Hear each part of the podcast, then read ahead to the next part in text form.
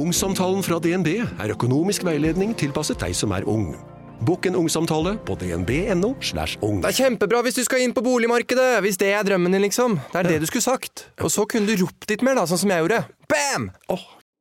Skru av! Skru av! Jeg trenger faen ikke droppe, jeg. Hater mamma og pappa. Er pluggen den nye russemamma-podden, da? Mamma, pappa sa take down twice, alright Men jeg har mye heller lyst til å rulle tonight Nå er det russetid, dagene flyr forbi mye idioti, men hva har det å si? Russetiden er litt forbanna, ta og hør litt på russemamma. Velkommen tilbake, Eli Kari.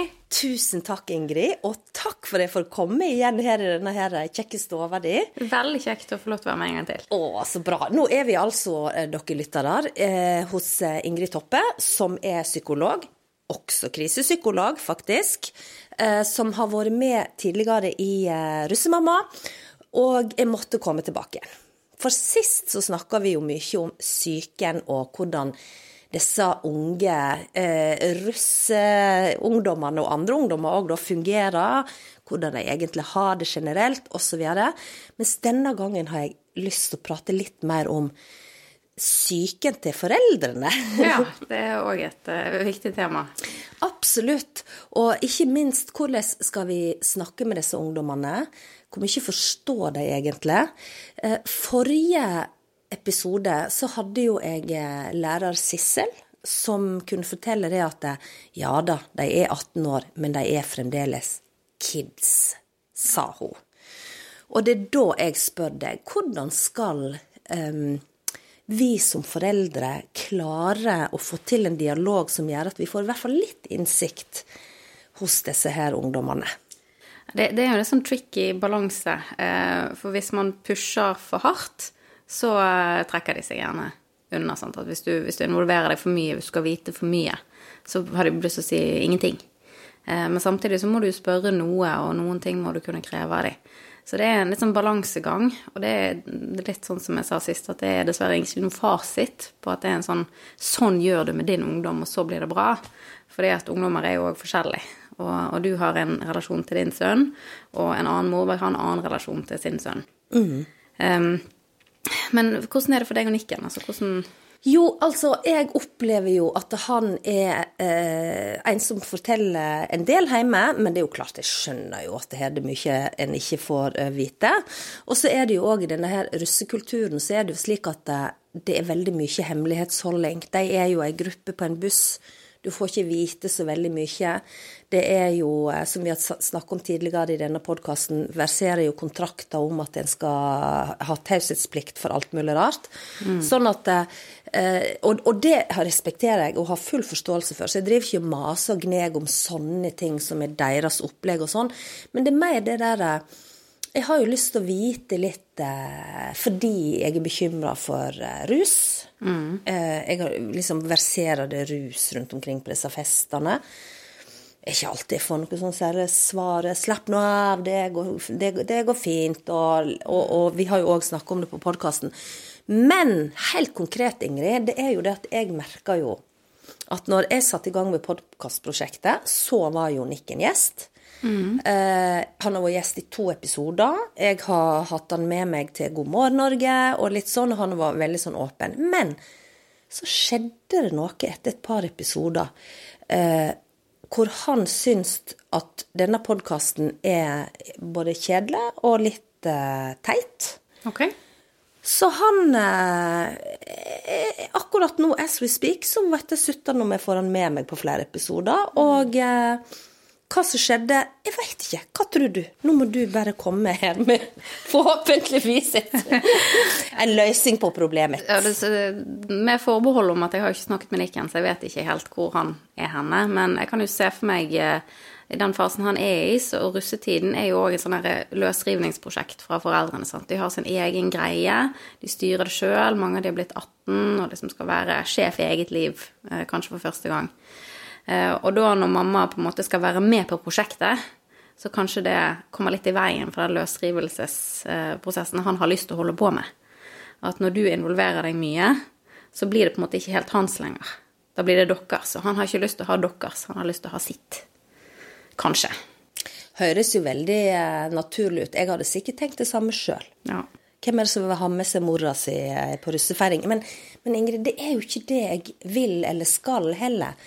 Ikke Nei, sant? og, det, og det må du nesten spørre han om hvordan han opplever dette her, da. Altså, hvordan, hva tenker han er dine intensjoner? Opplever han at det er for tett, eller hva, hva er det han kjenner på? Um, for det, selv om dine intensjoner på en måte kanskje bare er å, å være interessert og vise interesse og innhente kunnskap sånn at du skal kunne være best mulig forberedt, så er det ikke sikkert han oppfatter det sånn. Det kan være han oppfatter det som noe annet. Og når du sier at du er ganske bekymret, altså spesielt for rus eh, Når vi som foreldre får mye angst, så merker ungene våre det. Og de liker det sjelden så veldig godt. Det kan enten gjøre de eh, redd, eller de kan oppleve at vi eh, Og da er det lettere å måte avskrive hele mamma. Ja. Så det er eh, Beste rådet jeg kan gi, er å bare prøve å snakke med han litt sånn åpent, da. Ikke skulle kreve at han skal være med på podkasten, ikke du kreve at han skal fortelle deg eh, hva slags rusmidler det eventuelt er, eller om han har prøvd eller så. Ikke, ikke skulle ha så mye av den type informasjon eller den type handling, men mer bare åpent. Hvordan syns du dette er? Syns du det er ålreit? Altså, har du lyst til å høre på podkasten? Hvis ikke, så kanskje det òg er greit. Men at det, at det handler mer om deres relasjon, og at den skal være ålreit. Sånn hvis det er noe som han virkelig trenger å snakke med deg om, at han kan komme til deg med det. Det er en veldig vanskelig fase det her for foreldre, og jeg gruer meg til det sjøl når ungene blir såpass store at de, de vil på en måte ikke ha oss med på alt lenger. Vi har fortsatt lyst til å være en del av livet deres. Vi har ikke lyst til å gi slipp på dem, vi har lyst til å være med. Sant? Det beste vi vet, er å være med dem. Eh, Men de skal på en måte trekkes litt vekk fra oss. Eh, Og da er det eh, det å på en måte la de ha sine hemmeligheter, la de ha sine prosjekt, og prøve å bare bevare relasjonen sånn at de vet at du er der som en trygg havn når det trengs, men at du ikke trenger å være med på alt. Og det er, det er som jeg sa i sted, sant, det er en vanskelig balansegang, og akkurat hvordan det skal se ut i praksis, vil være ulikt fra familie til familie. Eh, Jeg husker sjøl da jeg var russ, en ting som eh, hele tenåringstiden egentlig, som min far gjorde som var veldig ålreit, var at han sa at når jeg i helgene, når han ikke helt visste hva jeg holdt på med, så var han edru. Så hvis det var noe, så kunne jeg alltid ringe han, så kom han og henta meg. Og jeg gjorde ikke det noe særlig, jeg tror jeg gjorde det to ganger, men det var veldig fint å vite. Men han, han forlangte ikke å vite hva jeg skulle. Og det var egentlig helt ok. I, I retrospekt, når jeg ser for meg hvordan jeg skal gjøre det med mine barn, så får jeg jo litt angst av det å ikke skulle vite. At jeg, jeg eh, har eh, mye beundring for at han klarte å stå i det og ikke vite, da. For det er, det er skummelt. Det er liksom det er barnet ditt, det er det kjæreste du har. Du har lyst til å ha kontroll. Men det skal vi ikke ha. Nei. Nei. Og det er jo akkurat det som er greia, at eh, plutselig så er ikke mamma og pappa det viktigste i barnets liv lenger, og da er det mye som skjer, og du ser jo på prioriteringene, sant. Ja. Er ikke med til fjells på samme måte som før. Det er mye viktigere å være i byen og holde på med det som skjer, og kompiser, venner og venninner. Det er veldig viktig. Og jeg er jo bare så glad for at, eh, at eh, både han og kompisene hans at de har en vennegjeng. For det er jo noen som ikke har det i det hele tatt, og sitter mye hjemme og, og ikke får være med, eller ikke orker å være med. Det er jo så mye som foregår oppi hodet på en tenåring, da. Men, eh, så jeg er jo heier jo vilt på at de har det gøy og holder på og sånn. Eh, Men, eh, men det som du sier, det å ikke vite hvor er det egentlig skal, hvor er det egentlig er henne, hva, hvilke farer er det som ligger og lurer rundt hvert eneste hjørne, da. Jeg veit jo eksempel, jeg har gått forbi, jeg går jo litt ned i byen og hoier. Jeg ser jo når jeg går forbi Duggen, mm. Duggfrisk, så er det da 18-årsgrense av og til. Jeg ser jo hva som står utafor der. Jeg har jo jobba på byen. Mm. jeg, jeg ser jo at det er mye rart. Og da lurer jeg på liksom sånn Ser de det? Skjønner de greia? Helt sikkert. Men hvor mye benytter de seg av det, og hva holder de egentlig på med? Det er kjempevanskelig. Ja. Og det er dessverre litt sånn at når, når barnet ditt er blitt 18-19, så er det litt for seint. Da må du på en måte stole på den jobben du har gjort gjennom oppveksten deres.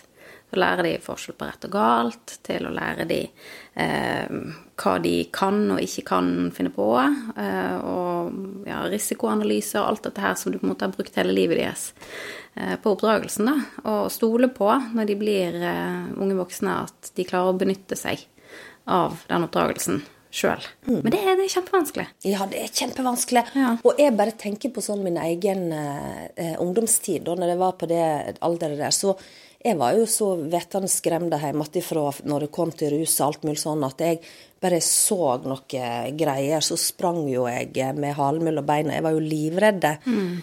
og jeg har jo prøvd å kjøre samme propagandaen på han, da. Og håper at han er like redd som jeg var. Eh, fordi at du blir jo eksponert for veldig mye rart. Og jeg bare tenker, hadde ikke jeg hatt den redselen i meg, redsel for å miste kontrollen, for å bli grønnsak og aldri bli meg sjøl igjen, eller bli utnytta i rus eller sånne ting, så kan det godt hende jeg hadde prøvd både det ene og det andre. Og eh, så har du det gøy, og så har du en god følelse i kroppen, og plutselig så ble du narkoman, da. Og det er jo bare helt forferdelig. Det nå skal sies at de aller færreste som utvikler alvorlige rusproblemer, har hatt um, en helt grei oppvekst og så bare prøvd rus og blitt hekta. Som regel så ligger det andre ting eh, bak. Og det er òg sånn at de aller fleste ungdommer de, som prøver rusmidler, de prøver kanskje hasj. Det kan være noen de prøver amfetamin eller kokain en gang eller to. Eh, eller tre eller fire. Men de færreste går over på harde rusmidler. Det er òg en terskel for å begynne å injisere rusmidler. Så det er mange steg her, da. Um, og det som er litt viktig å huske på som forelder, da, at hvis du hele tiden på en måte mistenkeliggjør ungdommen din, som du på en måte gjør litt når du hele tiden spør, så kan de føle at ja, men ok, men jeg får jo så mye pes uansett, jeg kan like godt bare prøve, da. Å, gud a meg, du må ikke si dette her, Ingrid. Er det sant at dess mer du maser, dess mer gjør det på pur F-en, liksom? Noen ganger kan det bli sånn. Så det, det er viktig å ha litt is i magen. Og når de har sagt nei, men nei, jeg eh, har ikke tenkt å ruse meg, eller eh, jeg har kontroll, så du måtte bare prøve å puste og gi de tillit. Mm. Og så er det jo noen eh, ungdommer som foreldre kjenner som vet at ok, min ungdom er litt eh, ikke så god på å ta vare på seg sjøl, tar litt for mye sjanser. Du har sett det gjennom livet deres at de er impulsive og sånn. Og da kan det jo være en grunn til at man er litt ekstra bekymret. Og kanskje må ha en ekstra prat og, og være litt ekstra tilgjengelig, da. Men hvis du kjenner barnet ditt og vet at uh, han er ganske ansvarlig, han eh, gjør det han sier, han, han har fulgt reglene så han tåler det greit opp igjennom, ok, kanskje jeg skal stole på han. Ja. Slippe taket litt. Grann. Du kjenner meg, russemamma, slutt å bry deg, du må se en annen vei. Ja, Ingrid. Jeg tror jeg må si det til meg sjøl.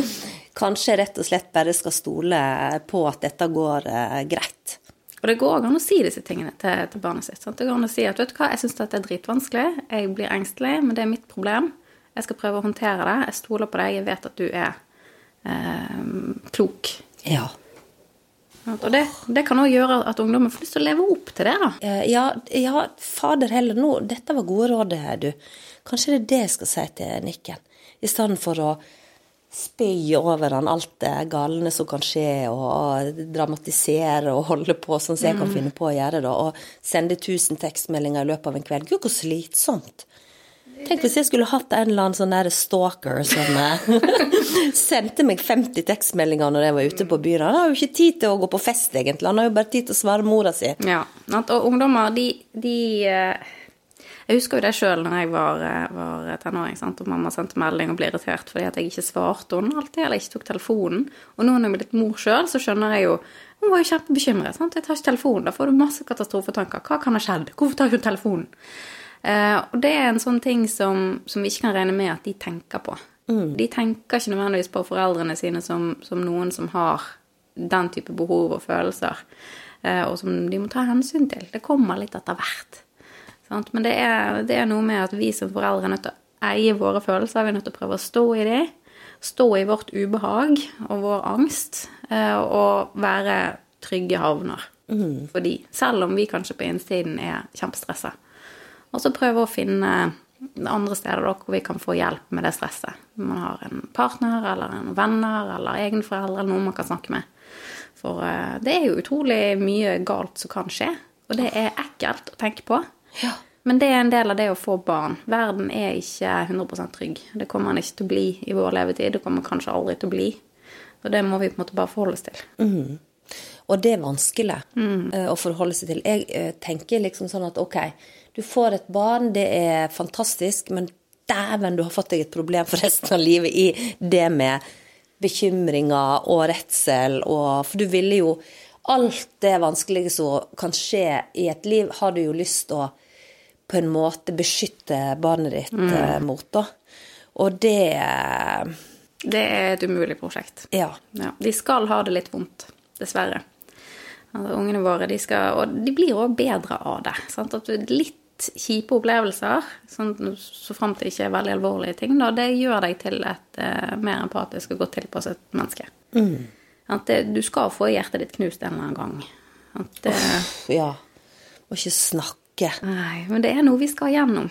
Ja. Og, og du har sikkert fått hjertet ditt knust og sikkert blitt såret og opplevd ting som har vært skumle, og du jeg har jo ikke gått dukken. Men Det har gått ganske bra med deg. Det har gått ganske bra med meg, og så har jo jeg kanskje òg fått en litt sånn in my face-konsekvens av handlinger du har gjort, eller ting du har dumpa oppi, som gjør at du, eh, du skjønner Og kanskje det er derfor, fordi vi vet konsekvensen av veldig mange handlinger som kanskje disse 18-åringene ikke har erfart, tenkt igjennom, osv. Ja. Og så vet vi på en måte kanskje òg hvor heldige vi var at det ikke gikk verre. Ja. Ja. Men det er som regel, det er viktig å huske på, som regel så går det faktisk bra. At det er jo noen ting vi skal på en måte kanskje minne de på at det ikke er så lurt. Sant? Ikke stå på taket på russebussen mens jeg kjører, f.eks. Og, og litt sånn her stunt som, eh, som en del ungdommer har holdt på med. Men som regel, det å bare drikke seg full, gå på fester, så går det ganske fint for de fleste. Um, og da er det litt sånn være der, da. I bakgrunnen. Som en trygg person de føler de kan snakke med. Eh, men det er eh, Tenk på det du sa i sted, at du sendte 1000 meldinger på en kveld. Sant? Det, det er veldig eh, vanlig når vi får angst, at vi får lyst til å gjøre et eller annet for å få mindre angst. Og det kaller vi forsikringsatferd. At, at, ok, jeg er engstelig, jeg lever barnet mitt nå, jeg må bare sende melding og sjekke. ja. Eh, men problemet med det er at eh, da får vi følelsen av at denne situasjonen var farlig, men fordi jeg sendte denne meldingen, så gikk det bra. Og da får vi mer angst neste gang. Å, herregud a meg, Ingrid. Ja. Ja, for- sier du det? Ja. Det er litt som, eh, som at hvis du er redd for hunder, og du krysser gaten hver gang du ser en hund. Så bare underbygger det deg angsten, sånn at du får mer angst hver gang du møter en hund. Og det du faktisk må gjøre med sikringsatferd som du tenker Da skal du bruke den logiske delen av hjernen din og tenke at dette her er faktisk ikke nødvendig. Så må du prøve å la være. Ja. Og da får du mer angst, det er kjempeubehagelig. Men neste gang du er i situasjonen, så får du litt mindre angst. Og så blir det bedre etter hvert, da. Og du slipper å gjøre alle disse tingene for å sikre deg sjøl. Så det jeg bør trene meg på, det er å la være å sende tekstmeldinger når øh, Nikken er på fest eller rundt omkring. Ja. Men med mindre det er en logisk, rasjonell grunn. Sånn, At hvis øh, du ikke har fått kontakt med han på to dager, han kom ikke hjem når han sa Altså hvis det er noe som er utenom det vanlige, Ja. sant? Som, som er en, en grunn til å sende en melding, så er det jo helt greit å gjøre det. Men hvis det bare er som vanlig, det er ingenting egentlig som tilsier at du trenger å sjekke på han, kan kanskje bare prøve å la være. ja. Å, guri maler, jeg skjønner at jeg har mye å øve på. Ja. For det at det der eh, det, Ja, jeg kjenner meg jo veldig igjen i det du sier. Sant? At det, Gud, jeg lurer på. Og så så er jeg òg opptatt av Ikke det at det trenger å skje noe gale, men det er mer sånn Har han det gøy? Er det gøy? Skjønner du? Ja. For utrolig masete kjenning jeg er. Så er det sånn her Hvordan går det? Koser du deg? Og den stylen der, da. Ja, ja. Hva, hva kommer det av, skal tro? Vi vil jo at barna våre skal ha det bra, da. Og det er helt naturlig.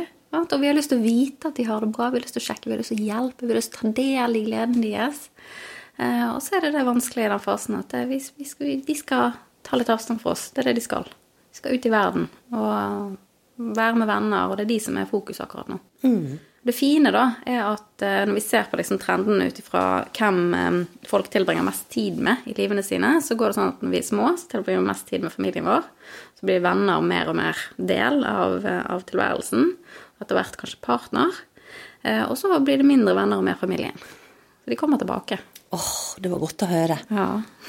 Men ja, som sagt, jeg, jeg syns det er veldig fint at, at en har venner å henge med, at en ikke For da hadde det òg vært gale, hvis en hadde bare sittet Uh, hjemme hver eneste lørdagskveld og ikke gjort en dritt. Det, ok, det er trygt og godt, og veit du hvor du har dem, men Men det de kanskje... har ikke de det bra nødvendigvis. Nei, det er jo det. Og det er jo noe av det som gjør dette med russetiden litt utfordrende for mange foreldre. For det er veldig mange foreldre som syns det har gått litt over stokk og stein. Tenker at eh, det er for mye penger som blir brukt, det er for mye tid, det er for mange eh, Altså det begynner for tidlig, eh, og, er bekymret for utviklingen. Men samtidig, hvis du skal si til ditt barn at du skal ikke være med på russebuss, eh, så er jo den frykten for at da blir barnet mitt sittende hjemme alene. Har ingen å være med. Så det er veldig vanskelig å la det være opp til den enkelte forelder òg å skulle endre den her store prosessen og utviklingen i forhold til hvordan russekulturen er blitt. Fordi vi, ja, akkurat sånn som du sier, sant? vi vil at barna våre skal være med. Vi vil at de skal ha venner, vi vil at de skal ha det bra. Og eh, når det kommer til stykket, og du sitter der med en 17-åring, så er kanskje det viktigere for deg enn at de sparer de pengene til en leilighet, eller at det er viktigere for deg at ok, de har det bra akkurat nå. Og det er jo i nuet vi lever, faktisk. Du kjenner meg! Russemamma, slutt å bry deg! Du må se en annen vei! Men du, en annen ting jeg ville spørre deg om, det er jo det at en får jo bildet opp i hodet. Og her for ikke så veldig lenge siden så skjedde det at eh, en eh, som eh, jeg kjenner, ble skambanka. Uff. var ute på fest og fikk juling. Og da og jeg, jeg, jeg får det liksom ikke ut av hodet. Mm. jeg er så sinte og forbanna og jeg har jo bare lyst til å sette meg i bilen og drive til eh, adressa og banke opp de som gjorde det. Eh, og så klarer ikke jeg, og det snurrer seg sånn bilde oppi hodet mitt hele tida hvordan dette her eh, har utspilt seg. Hva, hva gjør en for å komme over en sånn hendelse? Det er jo altså det er en veldig naturlig reaksjon. sant, Å bli sint når noen har skadet noen du bryr deg om. Og det skal vi på en måte bli. Det å kjøre dit og banke de opp skal du kanskje ikke gjøre. Eh, Det hadde nok ikke gått så bra. Eh, Men det å ha den følelsen Du må nesten tillate deg selv å ha den følelsen. Være sint, det var urettferdig, det var unødvendig, det skulle ikke skje. Det er ikke greit å gjøre sånn. Og, og tillate seg selv de fantasiene som kommer opp. Eh, og hvis man bare lar de være der, ikke nødvendigvis går inn og på en måte maler bilder for seg sjøl av hva man har lyst til å gjøre med disse her menneskene man er sint på, men lar de bare være der, ikke prøve å dytte de vekk, ikke prøve å tvinge seg sjøl til å komme over det, på en måte, så vil det veldig ofte fade av seg sjøl og bli bedre. Men det er, jo, det er jo noe man skal bli sint for. Det er sånn det funker å ha følelser. Så det er ikke nødvendigvis sånn at du må slutte å bli sint når du tenker på det, for at det skal være over. Men hvis du klarer på en måte å eh, ikke la det styre atferden din på en måte du ikke egentlig har lyst til, da tenker jeg at du er på et godt sted. Ga det mening? Ja. eh, At eh, det er litt sånn som denne her eh, ordtaket 'tiden leger alle sår', da. Ja.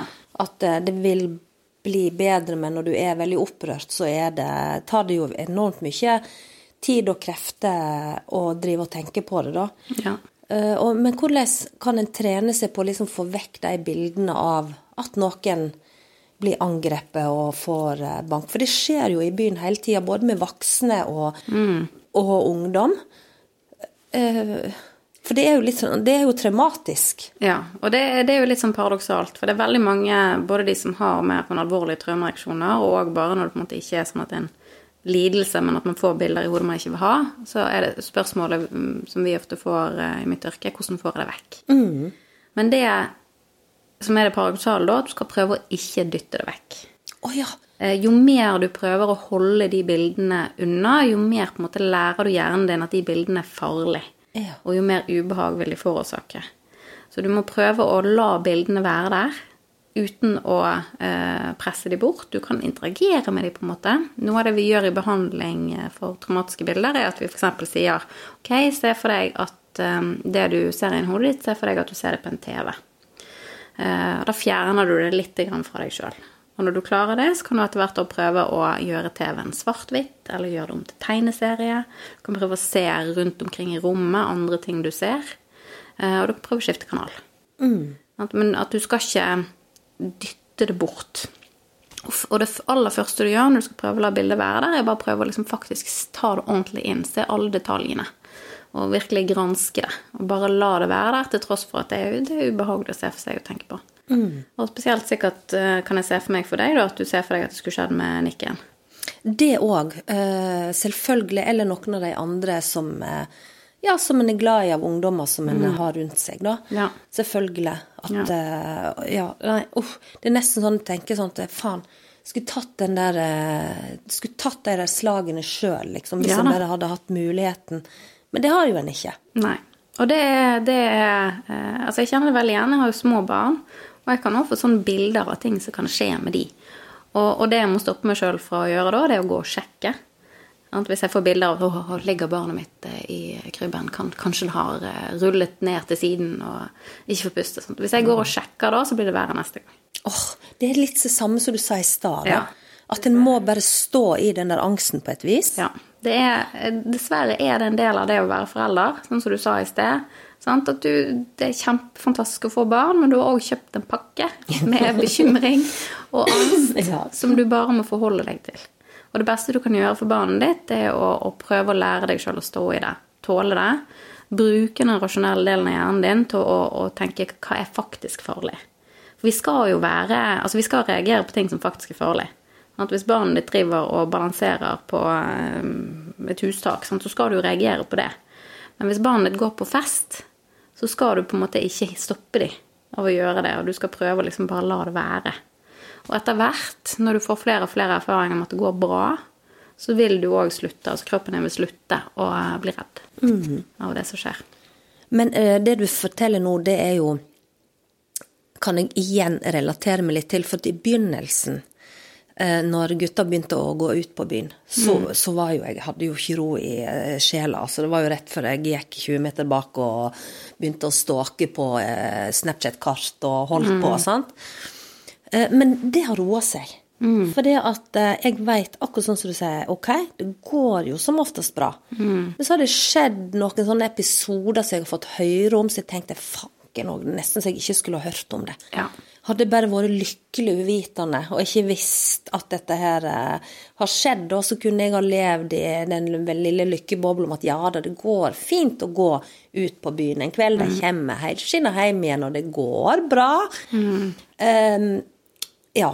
Men så blir det rippa opp igjen da, av ting som du hører, historier som blir fortalt. sant? Ja.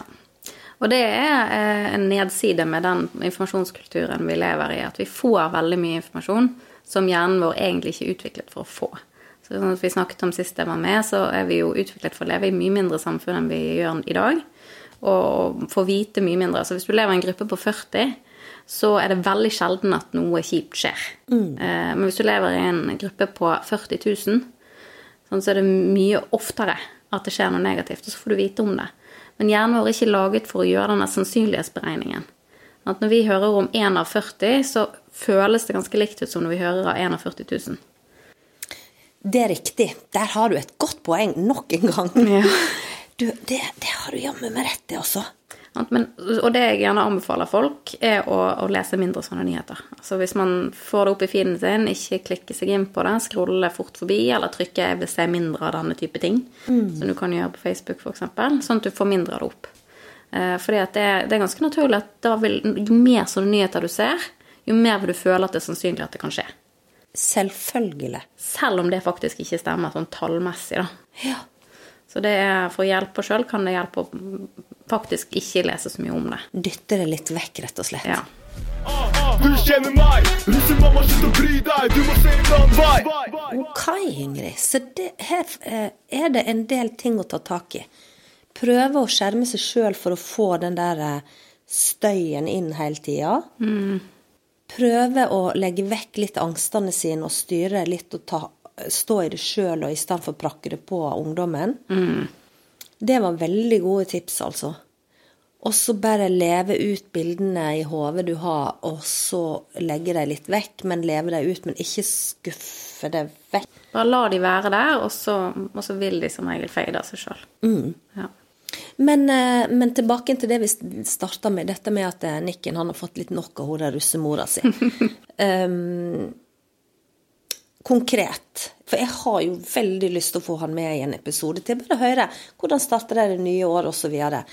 Er det da lurt av meg nå, Ingrid, at jeg tar og, en prat med han? Syns, hva syns du egentlig om Russemammapodden? Er det en sjanse for at du kan komme og, bli, og være gjest igjen, eller er dette helt dekk? Jeg har veldig mye paradoksale råd i dag, merker jeg, men, men jeg tror det beste du kan gjøre, er å gi opp litt håpet på å få ham med. Nei, fanken, altså! Hvis han føler at det er det du vil, Ja. sant? at det er det som er målet med samtalen, eh, er å få han med fordi at du vil ha han med på ditt prosjekt, så eh, kan det være at det gjør det vanskeligere for han å bli med.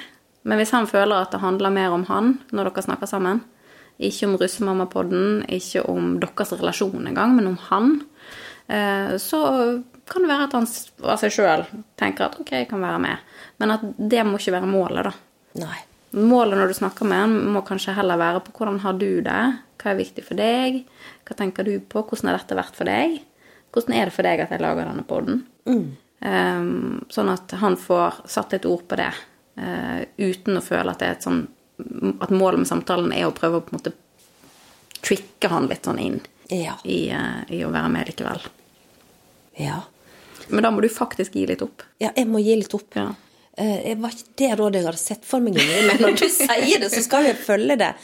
Eh, For ja, bra. Jeg skal ikke late eller få han til å forstå det at jeg vil jeg, Målet mitt er å få han tilbake igjen i podkasten. Nei, sant? At det, at det, du kan lage en fin podkast og uh, få masse ut av det, og gi masse til andre russeforeldre gjennom dette uten å ha han med igjen.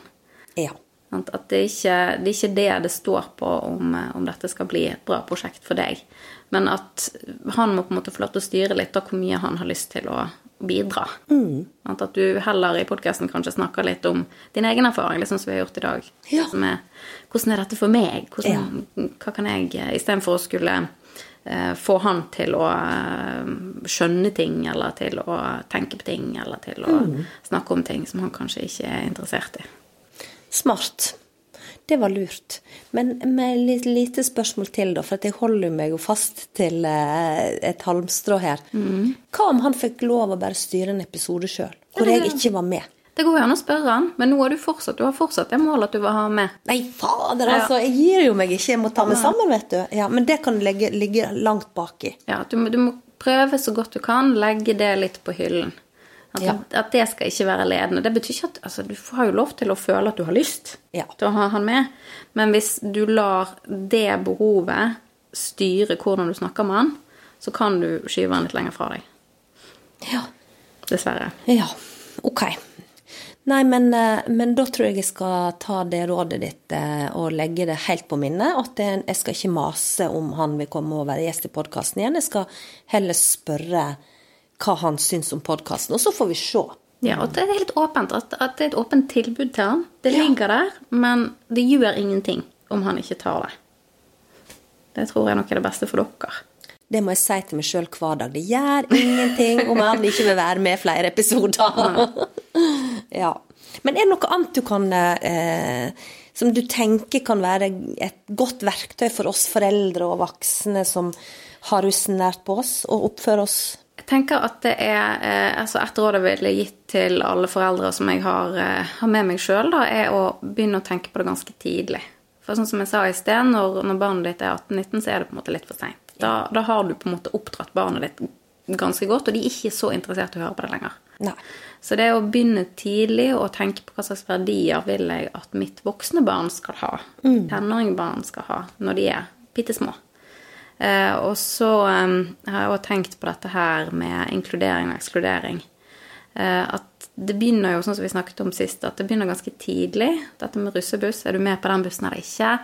Eh, kan begynne på slutten av ungdomsskolen, begynnelsen av videregående.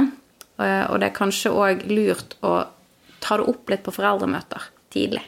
Med, med de andre foreldrene i omkretsen til barnet ditt. da. Hvordan har dere tenkt å gjøre det? Eh, får deres barn bruke alle konfirmasjonspengene sine på russebuss? Hvordan gjør vi dette her? Og, Og, og ikke vente til de er i tredje klasse. Da er det for seint. Da er det for seint. Jeg ser den.